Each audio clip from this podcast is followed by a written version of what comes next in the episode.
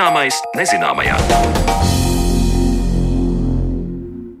Esiet sveicināti raidījuma zināmais nezināmajā un Sandra Kropa kopā ar jums, lai šodien mēs runātu par aizgājušo nedēļu karstāko aktualitāti - uzvaras parka pieminekļu kompleksu demontāžu. Šodien raidījumā skaidrosim, kāda ir pieminekļu loma mūsdienu Eiropas pilsētās un vai pilsēta ir iedomājama bez pieminekļiem un kas notiek ar tām statujām, kuru nozīme ir zudusi vai mainījusies. Par to tad runāsim jau pavisam drīz, kad pie mums viesosies pilsētu plānotājs un arī sociāla antropologs Viesturs Celmiņš. Bet Bet pirms tam ieklausīsimies mūsu arhīvu stāstā par to, kā laikmetu ideoloģijas mainījušas Rīgas ielu nosaukumus. Ir saprotams, ka tādi ielu nosaukumi kā Maskavas, Pērnavas, Tallinas, Cēsu, Talsu un citu pilsētu vārdos nosauktās ielas atrodas tajā virzienā, kas taisnāk vai mazāk taisni ved uz minētajām vietām.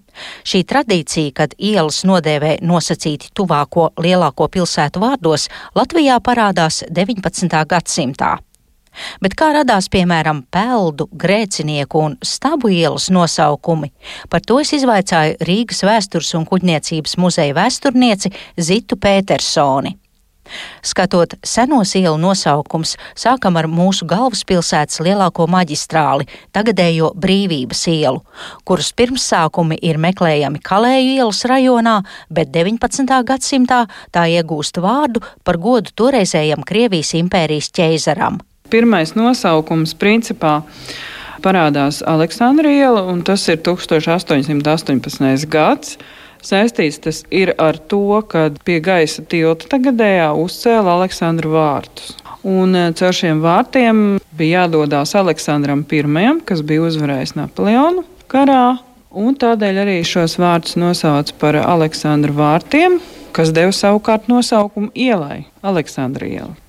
Viņa Aleksandra vārdā bija ļoti ilgu laiku. Principā līdz pat 1923. gadam, tad, kad viņu pārdēvēja par brīvības ielu un brīvības bulvārijā. Bet eh, vienu brīdi, tad, kad eh, pie varas nāca Pēteris Stučka 1919. gadā, viņš īsu brīdi pie varas bija aptuveni 5 mēnešus īsi pirms viņa valdīšanas laika, 29. aprīlī, tika izdots lēmums par 11 ielu pārdēvēšanu. Tā skaitā arī par brīvības bulvāra un brīvības ielas, kas tolaik saucās Aleksandra iela un Aleksandra bulvārs, pārdēvēšanu. Un brīvības ielu pārdēvēja par revolūcijas ielu un tagadējo brīvības bulvāri par revolūcijas prospektu. Tas bija ļoti īsu brīdi. Man nav izdevies atrast ziņas, vai tiešām tas tā notika, vai arī tika pieliktas ielu plāksnes reāli. Nesu vēl sastapuši šādu ziņu, bet uh, daži zinātāji saka, ka kaut kāda cilvēka atmiņās tomēr esot, ka tas tā esot bijis noticis un ka viņi ir paspējuši arī pielikt ielu plāksnītes. Kā zināms, otrā pasaules kara laikā daļu brīvības ielas pārdēvē par Adolfa Hitlera ielu, bet brīvības bulvārs tad nesa nosaukumu Adolfa Hitlera aleja. Padomju okupācijas gados tā bija Ļeņina iela, līdz 1989. gadā tā atkal atguva to nosaukumu, kas tai tika dots Pirmās Latvijas brīvvalsts laikā. Skatot tālāk uz citiem galvaspilsētas ceļiem, interesanti vēsture ir stabu ielas nosaukumam. Tas ir cēlies no Kauna staba, kuru uzcēla 1677. gadā publisko sodu vietā, ko toreiz sauca par Karātavu kalnu. Uzstādīja šo stabu, jā, kas uh, bija saistīts ar šiem diviem Rīgas dedzinātājiem, kurus pie šī staba pielika. Lai gan, cik es esmu lasījis, tad eh, viena versija ir, kad eh, šos staba dedzinātājus jau sodīja ar nāvi jau pašā Rīgas pilsētas teritorijā, un tikai tad viņus izved no pilsētas ārā, bet tika uzstādīts šis te stāps. Jā, šis nosaukums ir um, devis nosaukumu Stabu ielai. Arī atradies Stabu ielas teritorijā ir um, Karātavas Jā, tā tad vēl viens apstiprinājums eh, kaut kādam stabam, kurā kaut ko pakārē. Jā. Tikai interesanti ir tas, ka skatoties kartogrāfisko materiālu, ir redzams, ka šis stabs Un šīs karātavas ir atradušās pilsētas, ja iet no Rīgas centra projām uz vidzemes pusi, ja, tad viņas ir atradušās ielas labajā pusē, nevis kreisajā. Jo bieži vien tiek runāts par to, ka viņas ir kreisajā pusē, tur, kur ir Dailas teātris tagadējais atrodas. Bet pēc kartogrāfiskā materiāla viņas ir atradušās ir labajā pusē. Un, jā, tas ir noteicis ielai nosaukumu praktiski. Jā sākot jau no 18. gadsimta. Ja mēs runājam par vecrīgu, tad um, nosaukumi ir veidojušies dažādu apsvērumu dēļ. Viens no galvenajiem, protams, ir saistīts ar ielas virzienu. Amatu iela savulaik ir saukta viduslaikos par ģildes ielu. Un uh, nosaukums sākotnēji ir bijis saistīts ar to, ka šī iela iet uz ģildes istabu. Un šie pirmie nosaukumi ir fiksēti lejas vācu valodā un latīņu valodā dažādos dokumentos. Tad varēja būt, ka iela, pieņemsim, norāda uz eh, iedzīvotāju nodarbošanos, pieņemsim, miesnieku iela, kas mums šodien ir. Jā. Iela varēja norādīt arī uz kādu ievērojumu šīs ielas iedzīvotāju. Šī gadījumā gribas minēt tādu ļoti populāru situāciju, kas ir notikusi ar, ar grēcinieku ielu. Šī iela ir nosaukta tirgotāja Henrika Zunderna vārdā, kuram tur atradās viduslaikos eh, zemes gabali. Un interesanti ir tas, ka um, iela Zunderns un Zundern, jā, vāciski ir grēcinieks. Tāpēc šodien mēs to ielu vairs nesaucam kā tās pirmotnējā nozīmē, bet mēs lietojam šo vācu vārdu zunderi grēcinieks. Jā, tātad pilnīgi cits nozīme šai ielai ir. Tad tur nav nekāda saistība ar, ar prieka māju, cietumu vai, vai, vai vēl kaut nē, ko tādu. Nē, vai arī ir kaut kāda jā, pārmācības. Jā. Tas ir pilnīgi tīri fonētiski izveidojies nosaukums. Tāpat mums līdzīgi notikumi ir notikuši arī ar Peldu ielu, kas ir bijusi sākotnēji saukta par Cūku ielu un Švinenu, un pēc tam ir pārvērties par Švimeru par peldu ielu. Ja? Tātad švinēna cūku iela, tur droši vien bija turēts cūkas. Jā, jā. jā. Jā, un tagad mēs viņu saucam par peldu ielu, kam sākotnējā saistība nav nekāda vairs. Zita Petersone, runājot par padomju okupācijas laiku 1940. gadā, teica, ka saistībā ar to, ka reliģija atbilstoši padomju ideoloģijas standartiem bija noliedzama un kaitīga, Maskavas forštatē esošo Jēzus baznīcas ielu uz īsu brīdi pārdēvēja par bezdievju ielu. Pēc otrā pasaules kara tā nesa Sevastopols ielas nosaukumu. Par ideoloģiju runājot, ir jāskatās arī uz Kārļa Ulmaņa valdīšanas laiku, kad, piemēram, Doma laukums tika pārdēvēts par 15. māja laukumu. Latviskošanas un ar Latviju saistīto vārdu nosaukumu došana Latvijas republikas laikā jā, no 1918.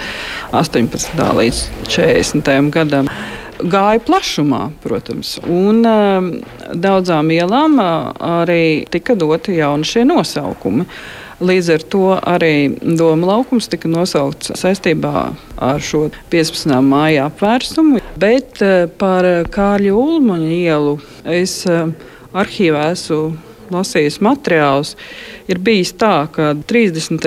gados tiešām ir bijusi doma nosaukt Tērbatas ielu, pieņemsim par Kārļa Ulmaņa ielu. Jo uz šīs ielas arī dzīvoja Ulmans. Ir tāda interesanta lieta, ka 1920. gadā, kad Rīgā atgriezās Rains un Aspāzija, viņa vārdos nosauca teātru un troņmantnieku bulvāru. Tas ir tāds unikāls gadījums, ka Latvijas Republikas laikā ielu nosauc dzīvu cilvēku vārdā. Tad pirms tam bija teātris, bulvāris, bija tas, kas ir aspazīts. Un troņmantnieks, tas, kas ir rājis. Tad šī komisija, kas Latvijas Republikas laikā tika izveidota speciāli ielu pārdēvēšanai, nolēma, ka 20. gados gribēja vēl arī nosaukt uh, Kāļa skalbas vārdā ielu, bet tā kā skalbi bija dzīves.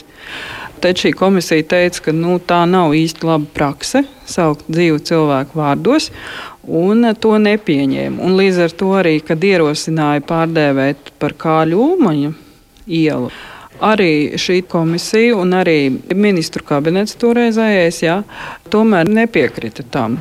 un tādēļ arī nenosauca viņu vārdā ielu. Tad Rainis un Aspazī bija tāds izņēmums. Ja, viņi, jā, jā, protams, pieņemsim, ja mēs runājam par kaut vai to pašu Aleksandrielu, tas jau arī bija saka, dzīvu cilvēku vārdā. Ja, bet, Tajā laikā šī komisija, tāda, kas nodarbojas tieši ar ielu nosaukumu pārdēvēšanu, vēl nebija izveidota vispār. Tā izveidojas tikai 1885. gadā. Mums šī saruna notiek Rīgas vēstures un kuģniecības muzejā. Un ne, te ir arī fotografijas, kur ir redzamas Rīgas ielas. Vai jums ir arī kaut kur plāksne saglabājusies, kur ir kāds senākais Rīgas ielas nosaukums apskatāms, ja cilvēki te atnāk uz muzeju? Nu, mums izstādīts gan nav. Un mums nav īsti arī saglabājušies. Senākās ielu plāksnes mums ir um, no Latvijas Republikas laika, tātad no 20. un 30. gadiem. Tad ir dažas plāksnes no padomu laika. Un tad mēs esam mēģinājuši iegūt savā īpašumā Leņķina ielas plāksni, bet diemžēl mums tas nav izdevies līdz šim. Tā kā ja kādam vēl mājās ir saglabājusies, un viņš grib viņu atdot vēsturē, viņš varētu arī atgriezt. Dzirdējām Zanes Lāses Baltāksnes arhīvu stāstu par Rīgas ielas senajiem nosaukumiem, bet par pieminekļiem pilsētās saruna pēc brīža.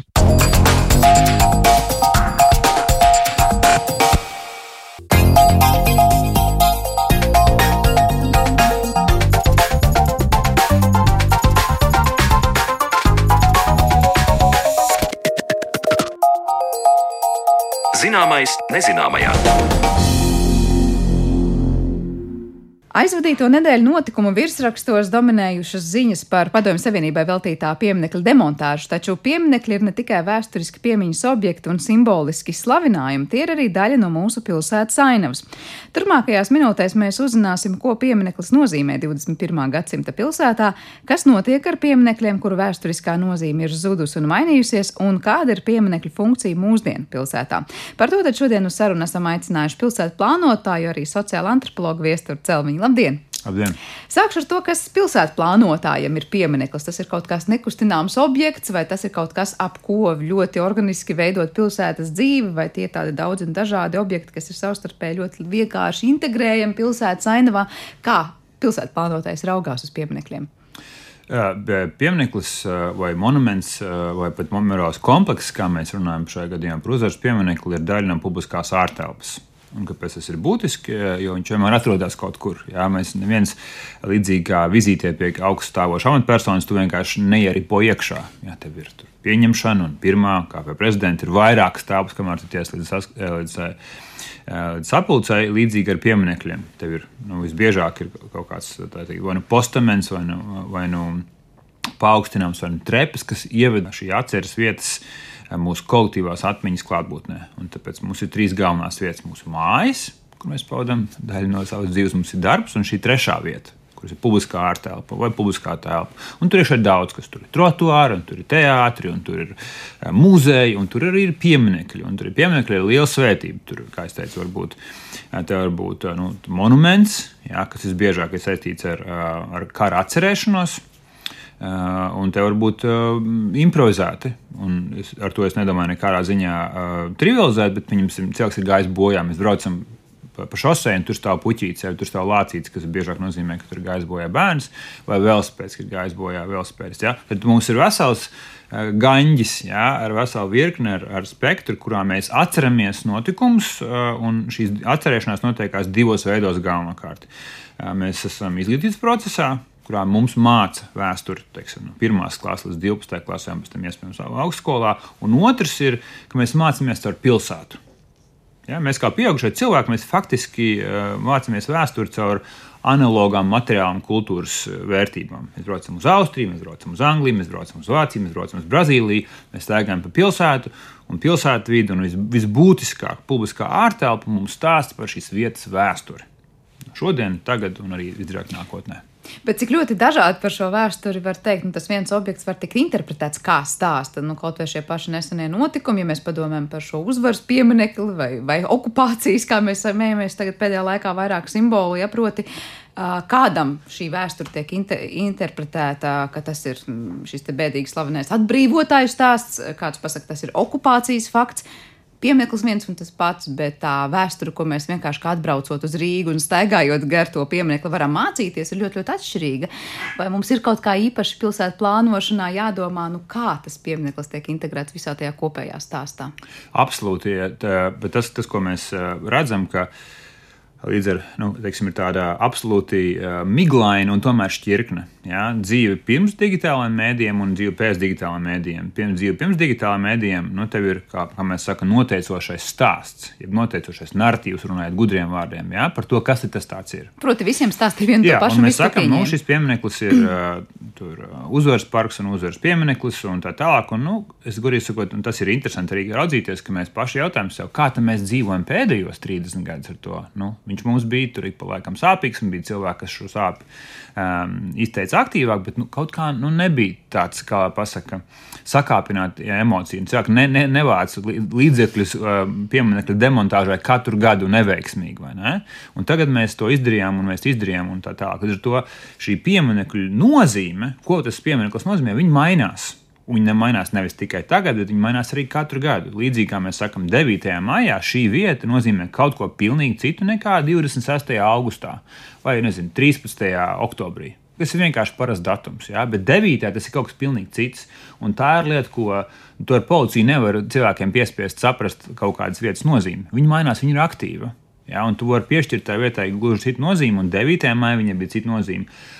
Un nākošais līmenis, protams, ir karš kurā viss kļūst intensīvāks. Attiecības starp ģimenes locekļiem, radiniekiem, eh, politiskām partijām, nacionālitātēm, kultūras piedarībām, viss kļūst aktuālāks. Nu, patiesībā kara laikā sanāk, ka viss tas, cik sakāpināts šis piemineklis parasti bija tikai vienā dienā, 9. maijā, tas kļuva katru dienu, tad, kad iestājās karš. Tieši tā, un, un šī, kāpēc es saku ar to publisko telpu? Publiskajā telpā mēs miermīlīgā veidā risinām dažādas viedokļus. Mēs esam dažādi cilvēki, dažādas grupas, dažādi vecumi, dažādas pieredzes. Mēs kultūras telpā risinām caur teātru, caur filmām, kādu, ko var, ko var nevarēt televizorā, kādās filmās vajadzētu runāt, vai lamāties, nevajadzētu lamāties, vajadzētu vai nevajadzētu vardarbību. Mēs risinām savas vērtības tur kara laikā, kurā mēs patreiz dzīvojam. Mums šeit nelido lodes, bet mēs absolūti dzīvojam eskalētā laikmetā. Ja kāds runā par Krievijas eskalāciju, viņi jau notiekās. Ja, un uzvaras piemineklis bija uh, vieta, kur tad mums izstrīdēties. Ja, publiskā platforma, burtiski platforma, kur mums izstrīdēties, uh, vajag vai nevajag palīdzēt Ukraiņai, vajag vai nevajag sūtīt ieročus, ir attaisnojums, nav attaisnojums, kur ir robežas. Ja? Šī, šī bija vieta, kur izstrīdēties. Līdz ar to nu kā, mums taču nav vienīgais šis objekts pilsētā, un arī citās pilsētās. Uh, nu, kā pasaka, um, kara apstākļos cilvēki sakoncentrējas ap konkrētām geogrāfijām kur laiks un, un, un, un telpa sanāk kopā. Kā jau teicu, jā, 9. maijā konkurēta sabiedrība daļa svin laiku. Kurā viņi tur, ja, pie, nu, kā mēs sakām, ja, par vectēvu, ja, šīs jā, jā. mašīnas, šie, šie, šie karogi par vectēvu. Ja. Mēs svinam to laiku, pirms cik tur, jā, 60 cik tur gadiem, kad tika atbrīvot. Un cits sabiedrība saka, neko neatbrīvoja. Sākās okupācija, sākās nu, savā ziņā mūsu valsts neatkarības, kultūras, valodas stagnācija, represijas, izvešanas un, un citas traģēdijas. Jā? Mēs katrs šo laiku saprotam savādāk. Tāpēc, nobeidzot, jā, šie pieminekļi ir kā audekls. Kurām mēs klājam pāri nākošās kārtas. Tā kā vecs, tāpēc tur ir daudz apakšā, viss, kas notiekās. Jā. Mēs klājam jaunas vērtības, un, un tā ir atšķirība starp, jā, kad šie pieminekļi kļūst par strīdus objektiem. Un nebūtu šis, būtu cits. Bet eh, par to, kā klājam pāri šo kārtu tālāko, tad jautājums ir, eh, protams, tagad no viena, vienas puses, ko mēs varam darīt, pasakām, lūk, tā ir bijusi okupācija, mums lielai daļai šīs sabiedrības tas nav pieņemami, vācam šo pieminiektu nos, demontējam, un tas arī tiek izdarīts. Tajā pašā laikā ir izskanējuši kaut kur viedokļi, kas saka, bet varbūt, ka patiesībā to pieminekli atstājot, bija jāveido kaut kāds komplekss ap to, kas parādītu vispār nu, tās vēstures plašāko laika kontekstu ar visām izsūtīšanām, visu pārējo. Proti, jā, šeit notika okupācija, blakus notika vēl citi vēsturiski fakti, un tas šobrīd vienalga turistam vai šejienes vietējiem iedzīvotājiem atnākot uz šo konkrēto parku vai kompleksu būtu redzams. Kā notiek mūsdienu Eiropas pilsētās, vai šie te, nu, objekti, kas uh, vienai sabiedrības daļai raksturo vienu vēstures patiesību, un otrai pilnīgi citu skatījumu, tiek kaut kā integrēti un parādīti kontekstā, vai vienkārši nepatīk. Mm, Nav pieņemams vācam nostiprināt tas princips citās vietās. Jā, ļoti labs jautājums. Vēlreiz mēs ar to arī sāku. Šeit ir tās līnijas, ir miglainas. Un atvainojos, mēs dzīvojam kara laika apstākļos. Līnijas gluži citas Ja? Tas, ka šis ir okupācijas piemineklis un viņš to simbolizē, un sabiedrības daļa katru gadu tikai apstiprina šīs vietas nozīmi, saka, jā, mēs esam atbrīvotāji, un, un otra sabiedrības daļa saka, neko jūs neatbrīvojat. Jā. Tas konflikts kaut kādā brīdī bija neizbēgams. Kārlaika apstākļos mēs sakām, šis vairs nav par, par, par 9. māju, Šis ir runa vai par 8. māju, vai kā mēs arī teiktu, šis ir par karu Ukrajinā. Līdz ar to, protams, pieminiektu nozīme mainās. Tas, vai ir šāds instruktāžs, kā līdzīgi aspirīnam, kā viņi lietot rītā, vakarā, pirms vai pēc ēšanas, nav, protams. Mums ir piemēram krustām šķērsām pasaulē, ko tādu nu, gudros vārdos sauc par dekolonizāciju. Jā, ir bijis iepriekšējā vara, kur, protams, uzceļ sev slavinošus, godinošus, vēsturi veidojošus, varēs pieaugušiem vēsturi veidojošus simbolus nu, pieņemsim, došu piemēru, 32. gadā Brēmenē tika uzstādīts piemineklis karā, gāja, karā iekrojumā bojā gājušiem kareiviem, kas ieņem Namībiju ar lielu ziloni. Ja, kas tur, protams, ir dažādas veids, kā tur kā, kāpēc zilonis jau nāca no Namībijas. 90. gadā Namībijas prezidents atbrauca uz Brēmeni un nomainīja šī pieminekļa nozīmi, ka šis piemineklis tagad kalpo namībiešiem, kas gāja aizstāvot savu. Bet piemineklis nemainījās. Nē, nē, viņš palikās tur pats. Vienkārši mēs mainām, nu kā piemineklis jau, mēs vēlreiz sakām, mēs pieminekam piešķiram savu nozīmi. Kā mēs sakām, papīrs pacieš visu Latvijā. Līdzīgi piemineklis principā var paciest visu, tikai cilvēki, kas ir piešķīruši vietai nozīmi, viņi gan atcerās. Jā, tu vari var mainīt nosaukumus, tā kā ielām. Cilvēki, kā mēs daži, man liekas, vecāki joprojām sauc ik pa laikam Baļķiņa ielu. Lai gan viņi nav, nav ne viņi komunisti, nav ne viņi bijuši partijā, bet nu, tas vienkārši iegājies. Ir. To tāpēc es saku, šīs ir tā kā tāpēc, kuras tur, kuras tur eksistē, bet ir diezgan pietiekoši plaša prakse mainīt ja, mainīt tādā um, lēzenā, rāmā veidā vietas uztveri vēlreiz. Jo vienkārši nojaucot vietas, tu jau nemaini cilvēku kolektīvu atmiņu par to, ka šī vieta mums kaut ko nozīmē. Mēs sabiedrība sanākam kopā un atceramies. Un tajā brīdī, uz nezinu, pāris minūtēm vai stundām, mēs sajūtam kaut kādu kopību. Šeit mēs pieminam nu, vai atceramies konkrētā veidā. Līdz ar to, to vienkārši aizlaucīt projām, eh, es nesaku, ka tas ir nepareizi, bet tas nav vienkārši. Un, un tas, tas ir, tas ir mierīgāk apstākļos. Proti, lielais jautājums mums visiem ir, kāpēc mēs 30 gadu laikā šo kompleksu pakāpeniski nepārveidojam. Mēs noteikti esam kultūras lielvalsts, ja vispār mēs esam kultūras lielvalsts. Ja mēs esam, nu, teikt, mums ir cilvēki, kas spēj šiem jautājumiem domāt, artikulēt, niansēt, rūpīgi, spēcīgi un, es domāju, iekļaujoši.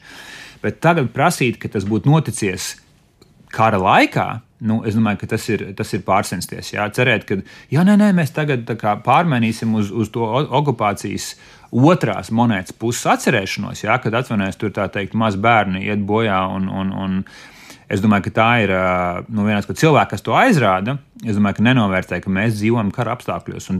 Tur ir melns, kļūst melns un balts, kļūst balts visbiežāk. Un tad ir jautājums, ka tagad, kad mēs esam šo vietu fundamentāli mainījuši, vai mēs spējam šo traģisko komponentu ielikt atpakaļ viņā. Nevis te, ne, mēs, te, te vienkārši būs lunaparks, jā, vai te būs tā teikt skrituļošana tikai. Es domāju, ka tas, ka tas nav pats veiksmīgākais. Mums jāspēj domāt par to, ka šī okupācija ir bijusi fundamentāls komponents mūsu vietas vēsturē. Un, ja jāparādās šeit, ir ja vēlreiz tikai paturam prātā, ka mazākā kilometra no uzvaras parka ir Torņkalna stacija, kurā ir memoriāls izvestiem cilvēkiem. Proti, tu vienkārši nevari aizlaucīt projām. Tu vari domāt, ka šeit mēs nesvinēsim 9. maiju vairāk, un mēs nedarīsim to. Priekš tam pat, pat tā teikt, partija saka, priekš tam ir kapi. Jā, iesaiet pie vecākiem, vai ne? Bet vietas vēsturi ar Torņkalnu kopā mums akurāti nevajadzētu aizlaucīt projām. Es domāju, ka to saprot visi, jā, ka viņi ir bijusi noslogoti jau simts gadus. Jā, kur Pēter, tad Nikolais II, jā, kurš svinēja 200 gadus atbrīvošanu Rīgai, jā, 910. gadā. Tad atkal Krievija nepārtraukti mēģina svinēt savu uzvaru, uzvaru par šo teritoriju, un mēs esam tur atpakaļ. Jā. Šeit, šeit ir vietējais sarežģīta vēstule, un izmantosim šos vietas potenciālu, lai stāstītu par to, ka mums ir sarežģīti apstākļi šeit, bijuši kā mazai valstī.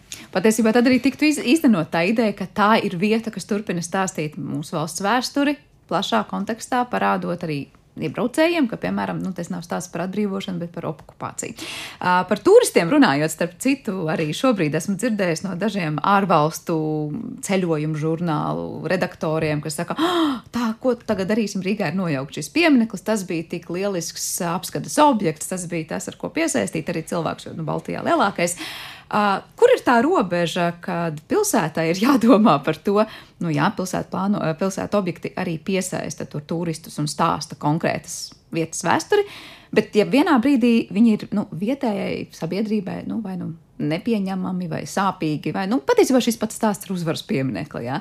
Uh, kā salāgot pilsētā vai pilsētu plānojot šīs no vienas puses ļoti atšķirīgās intereses, jo nevar ignorēt to, ka pilsētā nav jārāda citiem tās zemes, nu, nezinu, objekti un vēsture. Jā, es domāju, ka tas ir, tas ir zilonis istabā. Uh, vēlreiz mums bija, mums bija 30 gadi uh, dažādām ja, plānotājiem un modernas mantojums. Visādi šie, šie virslāņojumi. Mums bija 30 gadi pārdomāt, kā šo vietu um, eksploatēt vārdu labākā nozīmē. Ko tad par viņu stāstīt vietējiem iedzīvotājiem, mūsu krievlodīgai kopienai, ārvalstu viesiem.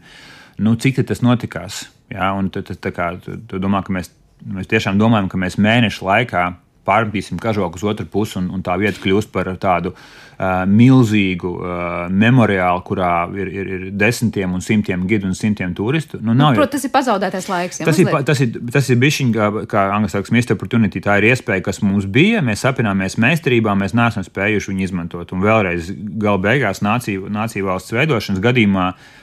Mums ir savs pienākums kara apstākļos neļaut šajā dezinformācijas karā eksploatēt šo vietu interesēm, kas absolūti ir nehumānas.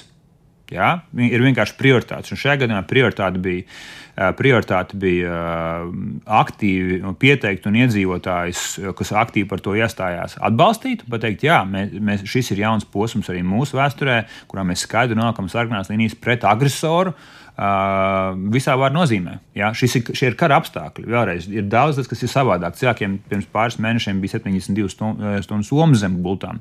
Mēs te runājam par ja, ļoti delikātu vēstures tēmu apskatīšanu. Protams, Ja, kur mēs bijām pirms tam? Un numur divi, kur tad bija tie turistu grupas, simtiem autobusu, kas klejoja ap uzvaras pieminiektu? Tur bieži vien, es nezinu, man, manā jaunībā, pirms 25 gadiem, es nodarbojos ar ekstrēmiem sporta veidiem. Tur, ja, tur zāles, nu, nezinu, tā vieta netika ne, ne, no, ne no vienas kopienas ļoti uzturēta un veidot kā gagalmērķis. Ja? Līdz ar to es teiktu, ka šis vilciens ir aizgājis un ir nākošais vilciens pienācis. Ja? Mums ir iespēja šai vietai piešķirt nozīmi vairāk kā izklaides objektu. Vēlreiz, man auga divi mazi bērni, mēs dzīvojam uz Smilģēlas, kas ir 7 vai 6 minūtes attālumā no turienes ja, ja mēs kā ģimene vai kā sabiedrība nestāstām, kas šī vieta ir, viņi priekš vienkārši tā būs slēpošanas vieta ziemā, kur viņi pirmā nostājas slēpēm. Tas ir mūsu uzdevums sabiedrības, formāls izglītības un neformāls izglītības uzdevums. Tad ko tad mēs stāstīsim? Un es uzskatu, ka, ja mums pat obelisks tur vairs nav, un memoriāls vairs nav teiksim, ar, ar, ar visiem šiem uh, izpausmes objektiem, tas ne, ne kādā ziņā, nu kā Toriņkauns Nu, taču memorāls tur nebija pirms, pirms 90. gadiem. Mēs viņu piešķiram, mēs viņu veidojam. Atvainojiet, mums nav nekādas, mums nav nekādu iemeslu to nedarīt. Ja, un stāstīt par šīs vietas ne, pirms simt, simts gadiem, par to svinību, kur pirmo reizi Krievija ņem Rīgu, otro reizi. Un, un būtiskāk, ka šī ir, ir teritorija vairāk kā 50 hektāri. Uzvaras parks 37 hektāri, 36 puses, Arkādija parks 7 hektāri, mazais Arkādijas parks vēl pusotrs un Mārs, eh, Mārs dārs, jā, vairāk kā 50 hektāri, vienu kilometru no, eh, vienu kilometru no pilsētas centra. Fantastisks ansamblis, sarežģīts ansamblis, bet jebkura pilsētas centra vieta ir sarežģīta. Jā, tur tā kā Parīzē apakšā katakombas. Vienāds, Tas vienmēr ir sarežģīti, bet tas, tas, tas, tas nav neiespējami. Nu, katrā ziņā šobrīd nerunāt, turpināt, proti, nerunāt par šīs vietas vēsturi nozīmētu, jā, nojaucām pieminekli, bet eh, nekādā veidā nemainām daudzu cilvēku apziņā, kas ir šī vieta. Proti, ja kāds gribēs tur turpināt svinēt 9. māju, viņš arī turpinās to darīt. Ja mēs nemainām šo kopējo noskaņojumu un varbūt izglītojošo darbu, kas tad īsti ir tā par viņu? Jā, un, un es domāju, ka, ir, ka tā ir milzīga zaudēta iespēja. Jā, neskot, tad ja, mums jājautā ja, divi, divi jautājumi. Kāpēc mēs neizdarījām to līdz jā, 22. gada, kurš mums bija septembris, jā, augusts, jā? August, jā. Kāpēc, kāpēc mēs neizdarījām to 30 gadus? Un ja mēs esam izdarījuši, Jā, tad tad nu, šīs augsnes kultivējam jaunas vērtības. Kā nezinu, atnāk vecākiem bērniem, dēliņa vai meitiņa, kas tad šeit notikās? Jā, vai man, man, man vecāki, kas tad šeit notikās? Radām to par nu, burtiski sabiedrisku vietu, kurā mēs atceramies savādāk. Mēs pārrakstam, nu, burtiski pārrakstam to, ka šeit nav vairs nav Krievijas, Krievijas imperiālas agresijas slavinoša vieta, nu, vai nu vēsturiskās imperiālās agresijas, vai nu tekošās imperiālās agresijas slavinoša vieta. Nu, bet, vieta, kā mēs zinām, vietas tukšas nepaliek. Jā, mums, nepaliek. mums ir uzdevums viņu pārrakstīt un aizpildīt. Uh, te pirms brīža izskanēja šī pieredze Vācijā ar šo ziloni, ja, proti, ka pats piemineklis nemainās, bet kardināli mainās tas, ko šis piemineklis vēsta. Kā skatoties, es nezinu, uz tādiem tendencēm, principiem dažādās pilsētās un valstīs, vai vairāk šobrīd dominē nu, tādās demokrātijās? Vecos pieminekļus, kas, lūk, līdzīgi kā mūsu gadījumā ar šo uzvaras pieminekli, pasakām, visu stop, te ir mūsu līnija, mēs jaucam nost. Nerunājot šobrīd par to, ka tas ir kara, protams, apstākļi. Ja? Vai tomēr pastāv tā ideja, virzamies, skaidrojam to pašu pieminiektu atstājam, bet kardināli mainām to skaidrojumu, ko tas īsti vēsta. Kura ir pieeja šobrīd izplatītāka pasaulē?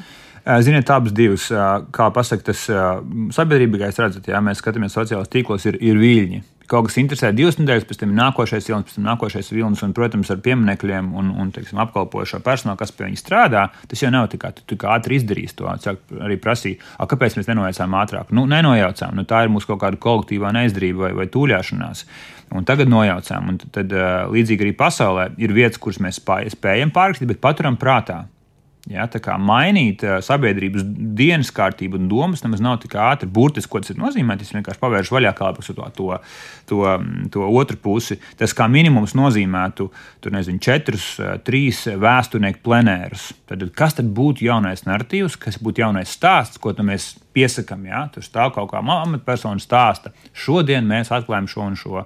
Kādam ir jāizdomā, kas tas būs? Vai tas ir ticams, vai tas ir godīgs, vai tas ir īsts, vai cilvēki var to asociēties. Ja? Tādu to nevar reklāmas aģentūrā tik ātri dabūt gatavu. Līdz ar to šī pārrakstīšana, ko mēs saucam par dekolonizāciju, ja nav vienkārši, tie var pārsaukt ielu. Cilvēki, ja viņam, viņam nav apakšā kaut kāds nopietnāks stāsts, vienkārši netic tev. Nu, ir viņš ir falšs, viņš nav godīgs, viņš nav ticams. Tāpēc tā pārrakstīšana ir mazliet vienkāršāka nekā sarežģīta nekā izklausās. Vienkāršāk ir pateikt, grūtāk izdarīt. Vēlreiz, kāpēc? Tāpēc, ka ir desmitiem tūkstoši cilvēku, kuriem šī vieta asociējas ar kaut ko citu, un tas ir vienkārši fakts.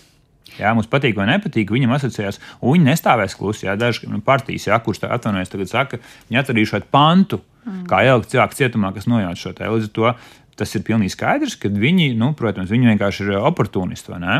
Renskot, ir sabiedrības daļa, kas saka, nē, mēs neatstāsim to tādā veidā. Un tāpēc tas, ko es saku, šis ir tikai sākums.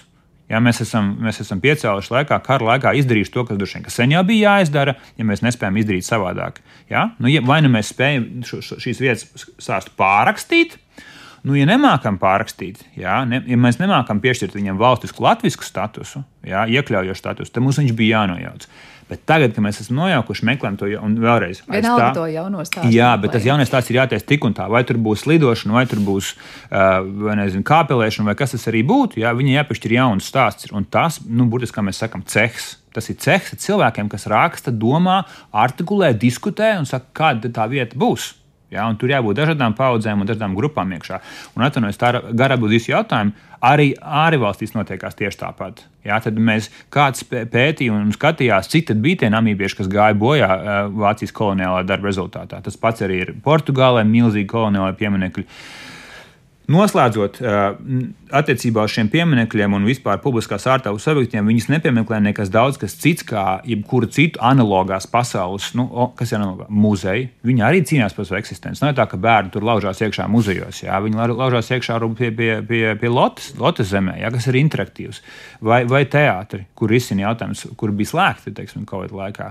Pieminekļi ir tikai daļa no tā paša. Kādā veidā mēs ievedam iekšā digitālā laikmetā un ļaujam līdzpastāvēt dažādiem stāstiem, un vēl būtiskāk, ko mēs sakām, cilvēkiem līdzdarboties pie pieminiekļa. Nu, tu atnāc un tu skaties, nu, 3 minūtes, 5 minūtes, 7 minūtes. Principā, vai nu tev ir kaut kāda aplikācija, kas tev par to vietu stāsta, teiksim, virtuālā realitātes aplikācija, kas tev par to izstāsta, vai tev ir ļoti attraktīvs gids trešās opcijas īstenībā. Nu, varbūt kāds nav. vienkārši pats iegūlīs. Vai, vai tev ir kafejnīca, kur tev parāda wafels, un, un, un, un, jā, tu vienkārši izbaudi tos vietas, vietas ainavu. Bet, nu, tad es saku vēlreiz, tad mēs esam zaudējuši iespēju vietējiem iedzīvotājiem un turistiem pastāstīt jā, par būtiskāko notikumu mūsu simtgadu vēsturē. Nu, cerams, ka mēs šobrīd to iespēju noķersim aiz astes un to nepalaidīsim garām. Kā saka, otro reizi, ja vienu reizi mēs to jau izdarījām, bet es vēl gribēju pakavēties pie tā pieminiekļu nojaukšanas un atkal celšanas jautājuma.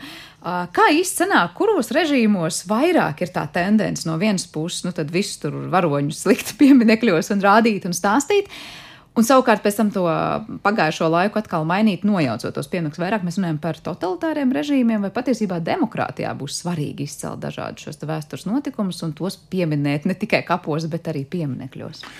Abos. Pieminiekļi ir abos, jautājums tikai kā viņi izskatās. Jā. Mums, ir, mums ir pieminiekļi zemnieki, viņi ir tādi rotaļīgi. Jā. Tur kāds sēž, stāv, kāds ir sakrustojas kājas. Jā. Tas nekad nebūs, tas nekad nebūs autoritāros režīmos, un neviens nereiķinās, jā. kur viņš stāvēs, kā viņš stāvēs. Tur bija vai nebija kaut kāda vēsture. Šis tagad būs šeit, jā. viņš būs parasti drīzāk vertikāls, jā. liels stāsts vīrietis, balts, kurš iet tur teiksim, ar bērnu rokās vai sievieti, jā, dzimteni. Ja, visi šie, visi šie uh, attribūti mums ir pazīstami. Uh, viņi eksistē abos. Tikai kā mēs mēs zinām, izskatās, ka autoritāra šobrīd vienkārši ātrāk un vienkāršāk iet uz priekšu. Es, es dzīvoju pusotru gadu Krievijā, kur, kur šis jautājums bija nu, viens, ko šie, šie Krievijā un, un Republikās šie varoņu kulti Ja, un pieminiektu zirgiem, milzīgi. Ja, viņi viņi starp traģisko un komisko izskatās. Ja.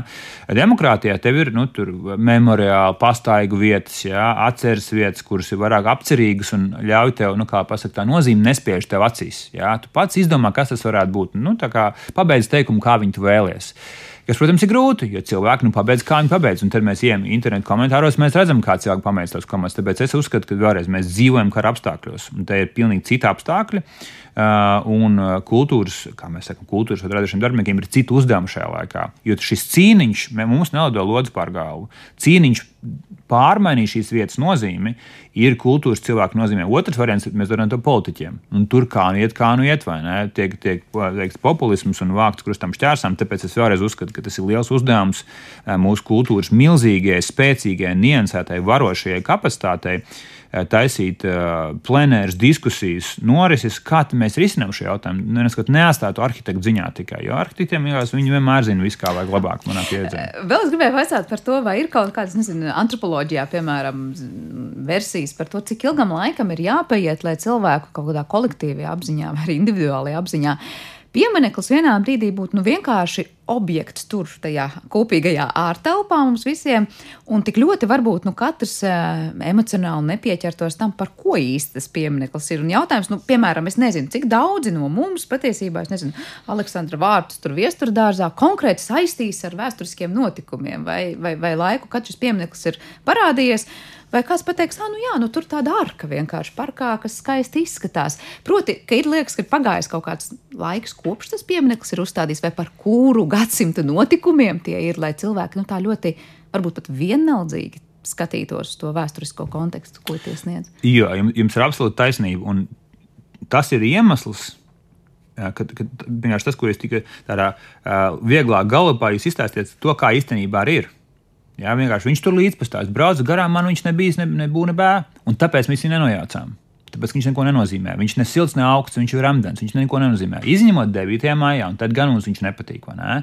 Un tad jautājums ir, vai tā vēlreiz Rīga pilsēta, Rīga pilna ar visiem pieminekļiem, ja? vai, vai mēs izmantojam šo publisko ārtelpu gan sev, gan mūsu ciemiņiem, tā teikt, turistiem, lai stāstītu par mūsu vietas vēsturi. Nu, kā viņi jau tur būs?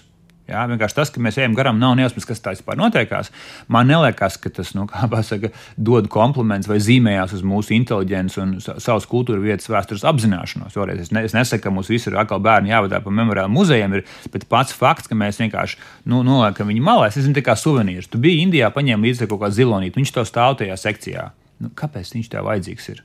Nu, tas ir kaut kāds tāds brīdis, kurā tā notikās, un tad tu viņu noliec uz, uz, uz pauzes. Jo reiz mēs dzīvojam kara apstākļos, ir, ir, ir, ir Latvija pilna ar šiem okupācijas slavinošām vietām, no Latvijas līdz kurzemē, krustām šķērsām. Tad, tad es vēlreiz saku, nesam stihiski. Nesam stihiski, ka nu, mēs tā kā nokāvām vienu, jā, nu, jutamies baigi brāļi par sevi. Super, tas ir ļoti vērtīgi, un kara apstākļos šis, šis, ir, šis ir pareizais ceļš, kas ir ejams. Bet Latvija ir pilna, kā būtu, ka mums būtu tāds nu, mazliet sistemātiskāks veids, kā mēs pārrakstīsim šo mūsu eh, sāpīgo punktu, kas nav vienkārši, nu, kā traumatiskam lietām dzīvē nav ne personīgi, ne kolektīvi atcerēties.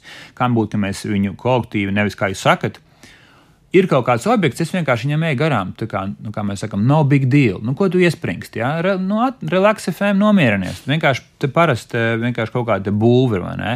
Es uzskatu, ka tā ir vienkārši līdz nākošajai reizei. Līdz nākošajai reizei, kur mums atkal būs kaut kāda saķeršanās, un mēs nebūsim spējuši pārrakstīt, pagaidi, nu, ko mēs darām tām vietām. Un viņas ir viņi ļoti daudz Latvijā. Latvijas gadījumā tās pārējās vietas mēs vēl varam paspēt pārrakstīt ne demontējot šos pieminekļus, vai arī pārējiem būtu jābūt demontētiem, kas ir šie padomju režīmu slavinošie. Kā tas tā kā ģimenē, ja visi kārtībā izņemot vienu sāk mest trauks pret zemi. Jā, bieži vien ir tas vienīgais veids, kā pievērst uzmanību. Es saku, kas mums traucēja šo vietu pārrakstīt? Nē, nē es par tām pārējām. Jā, jā es saku, es, saku ir, ir, es, es gribētu cerēt, es gribētu cerēt, ka mēs spējam, nu, ne, ne, ne visur ar buldu. Nu, ir jau kaut kas tāds mazliet, nu, kā pasaka, atskurbinošs tajā, kā tas tur viss notikās? Un es domāju, atkal varēs kā apstākļi, bet vai mēs visur viņus buldorizēsim lejā? Es domāju, ka, nu, pamēģinam iespēju aprunāties, pirms, pirms tie trauki ir šķīsti krustām šķērsām. Mēs varam pārrakstīt to, to vietu vēsturi un vēlreiz mēģināt šo sabiedrības daļu, kur uzskata, ka tas ir liels notikums, ka viņi mūs atbrīvoja. Nu, mēs vienkārši iedzīt viņus iekšā telpā un pateikt, ne, jūs, nu, nav tā tās vietas, bet, bet kas tas ir? Tu vari vienu pieminiektu nošķūrēt, bet tu nevari nošķūrēt cilvēku atmiņas. Tas ir fakts. Mums patīk vai nepatīk, tas ir fakts. Mums jāmeklē veidi, kā mēs stāstām. Nu, labi, nošķūrēm, visur nošķūrēm. Nu, un es tajā ziņā cepu no Igauniem. Jā. Ātri un pie lietas šī brīdī vēlreiz kara laikā ir, ir jābūt skaidriem soļiem, bet tas neatceļ faktu, ka mums jāspēj sev un citiem stāstīt, kas tad bija tie gadi, kāpēc tas piemineklis vairs nav. Kāpēc viņš nav? Rūtīši viņa aiznesa. Nu, tā kā mums jāspēj par to runāt. Noslēdzot pamazām mūsu sarunu, es vēl gribēju jautāt, nu, ne tikai saistībā ar šiem okupācijas laika pieminekļiem vai padomju savienību slavinošajām vietām. Un šī brīža kara apstākļiem vispār pilsētu plānošanā piemineklis vairāk ir tāds objekts, ap kuru veidojot tālāk apbūvi, kā citu plānojot pilsētu. Uh, ir tas, kas traucē, vai tas, kas tieši sniedz iespēju un paver, paver iespējas, proti, un, un, un Absolūti, paver iespējas, absolūti, jo vēlreiz publiskās ārstības kvalitāte ne no Latvijas citur viņi, viņiem ir zema. Jā, tur, nu, nezinu, trotuāri, bedraini un, un zaļuma maz, un cilvēks sūdzās, viņi brauc dzīvot ārpus Rīgas, un, un tolešu nav. Un tad, kad pie, pie pieminiekta, pie Momerāla, tur tev ir, nu, tev ir granīts, vai tev ir marmors, vai tev ir akmens, nevis tas mūsu pelēkais zaļais bruģīts, jā, bēdīgais. Uh, jā, un tu, ne, tu nekavēji jūties labāk. Jā, nekavējuši jūties labāk, ka, tā, ka tā vieta ir pārdomāta, viņai ir sava scenogrāfija, tur ir kompozīcijas jautājumi, tur ir ainava, tur ir koks, tur ir stādījumi, tur ir kops. Tā ir, tā ir kopta, ļoti kopta ainava. Pilsētā plānošanā tev ir super, ka tev ir šīs kabatiņas jā, no kur mašīnas brauc un pīpina un, un trokšņies un pārējais. Un tur ir kabatiņas, kur tu vari būt mazliet apcerīgāks, kā mēs sakām, tāda kā dabas, dabas pieturzīme pilsētā. Un vienmēr viņa tāda, nu, ja, ja burtiski ir, nezinu, trīs kvadrātmetri tur skujniekam, jā, pieminiekam, nu, tad ir viņš mazāks, jā, bet memoriālam tā ir viennozīmīga iespēja, un arī šajā gadījumā gan šeit, gan citur Eiropā. Uh, un Vācijai tas pats jautājums, ko mēs darīsim ar šiem? Nu, Vācijai šis vēl kutelīgāks jautājums nekā mums. Vai viņi, vai viņi svin savējo, vai ko viņi tagad dara ar to, ka, ko tad Krievija atbrīvo? Jā, jo Krievi, jo, nu, Krievi turpina svinēt savu imperiālo kapacitāti visur pasaulē. Uh, un savukārt mēs sakām, šīs ir burvīgas vietas savā ziņā, kā jūs sakat, ja vien nebūtu tas foniņš. Jā uzvaras piemēram, forša vieta, izņemot, ka tu, tu, tu daļa no saka, jā, uz priekšu jūs esat nākošie. Jā, Latvija ir nākošā, un es saku, mēs negribam nekādu nā, būt nākošie, par ko jūs runājat. Līdz ar to tā ir milzīga iespēja, un vienmēr tās ir foršākas vietas, kur būt. Jā, mēs negribam viņus iemanīt, bet, kā es teicu, vēlreiz, jā, šis uzvaras ansamblis, uzvaras parka ansamblis, sauksim viņu kā savādāk, tagad ir 55 hektāri. Nu, jums vienkārši nav un nebūs analogs nekāds pārdagavā. Nebūs tam. Jā, šis ir ļoti rūpīgs darbs, par ko mums jādomā, un arī citviet Latvijā. Un citviet Baltijā, kā mēs šīs vietas pārdomāsim, pārrakstīsim, iekļausim mūsdienīgā, iekļaujošā, bet eiropeiskā un agresīvā sabiedrībā. Jā, nu, cerams, ka mums izdosies par tiem 55 hektāriem tiešām to stāstu pārrakstīt un, un, un pārrakstīt ļoti skaidri un saprotami. Un cerams, ka arī visās pārējās vietās mēs tiešām iemācīsimies nu, šos pieminekļus vai nu, vai nu ar to buldozeru, vai bez tā buldozera, bet nu, paužot savu attieksmi, izstāstīt to stāstu, kāds tam būtu jāstāsta. Lielas paldies par šo sarunu. Es atgādināšu, ka pilsētas plānotājs un sociāla antropologs Viesturs Celviņš ar mums bija kopā šajā raidījuma pusstundā. Ar to arī raidījums ir izskanējis, un to producēja Paula Gulbinska. Par mūziku gādāja Girds Bišs, skaņu režijā bija Kristīna Della, un ar jums kopā studijā es Sandra Kropa. Uz tikšanos!